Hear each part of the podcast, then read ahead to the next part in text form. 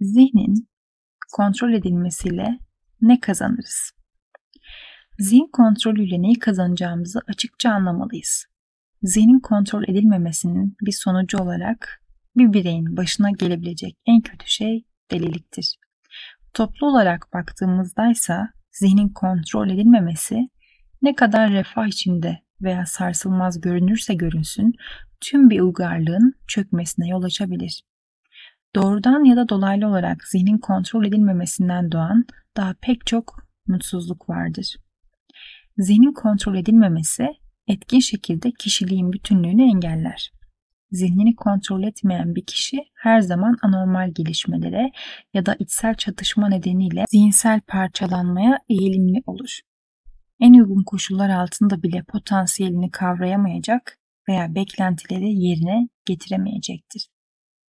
Zihni üstünde hiçbir kontrolü olmayan birinin zihni huzurlu olamaz. Zihin huzuru olmayan biri nasıl mutlu olabilir ki? O bir tutku, duygu ve gerilim kurbanı olarak inatçı zihinsel hastalıklar geliştirebilir ya da bir caniye dönüşebilir. Eğer ev halkının reisi ise muhtemelen eve disiplinsizlik, düzensizlik, ihmalkarlık ve berbat insan ilişkileri hakim olabilir. Bir Hint vecizesinde şöyle denir. Bir insan Tanrı'nın, öğretmenin ve kutsal insanların inayetini alabilir. Fakat eğer kendi zihninin inayetini almazsa mahvolur. Kişinin zihninin inayetini alması onu kontrol etmesi anlamına gelir. Olumlu açıdan zihin kontrolü en yüksek derecede kişiyi ruhsal aydınlanmaya ulaştırabilir. Bundan başka zihin kontrolü yoluyla yaşamda ulaşılabilecek daha pek çok inayet vardır. Kontrol edilen bir zihin kolayca konsantre olabilir, odaklanabilir. Zihnin konsantrasyonu aracılığıyla bilgi kazanılır ve bilgi güçtür. Zihin kontrolünün kendiliğinden ortaya çıkan sonuçlarından biri de kişilik bütünlüğüdür. Böyle biri olumsuz koşullarda bile başarılı olur. Kontrollü bir zihin durumu sakinliğe yol açar ve sakinlik de zihni huzura götürür. Zihin huzuru mutluluğa götürür. Mutlu biri başkalarını da mutlu kılar. İşinin niteliği düzelir ve çoğunlukla doğal olarak daimi bir refaha ulaşır. Böyle biri yaşamın kötü deneyleri veya sıkıntılarıyla karşılaşmayacak demek değildir. Fakat asla bunlarla yüz yüze gelecek cesareti ve gücü de eksik olmaz. Kendisinin reis olduğu evde düzen, disiplin, sevinç, kültür ve mükemmel insan ilişkileri olması şansı daha yüksektir.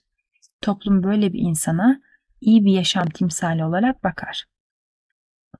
Kontrollü bir zihni olan insan, zihinsel hastalıklardan ve zihinsel gerilimin neden olduğu fiziksel sorunlardan da uzak kalır. Zihnini kontrol eden bir insanın daha yüksek doğası kendini ortaya koyar ve gizli güçleri serbest kalır. Arkadaşları gözleri önünde onun nasıl böyle büyüdüğünü merak ederler. Yaygın bir Sanskrit vecize şöyle der. Dünyayı kim fetheder? Ancak kendi zihnini fetheden. İlerleme, refah veya huzur.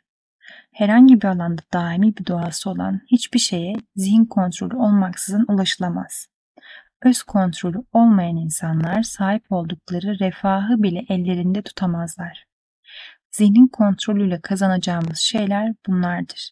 Zihni kontrol etmek için güçlü bir irade geliştirmek amacıyla kendi zihnimize o olmadan hiçbir yerde olmadığımızı öğretmeliyiz tüm geleceğimizin karakterinin zihnimizin kontrol edip etmediğimiz olgusuna bağlı olduğunu kendimize anlatmalıyız.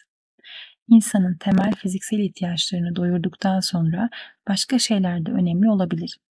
Fakat yaşamın en yüksek amacına, ruhsal aydınlanmaya ulaşmak için yaşamda hiçbir şey zihni kontrol etmekten daha önemli değildir.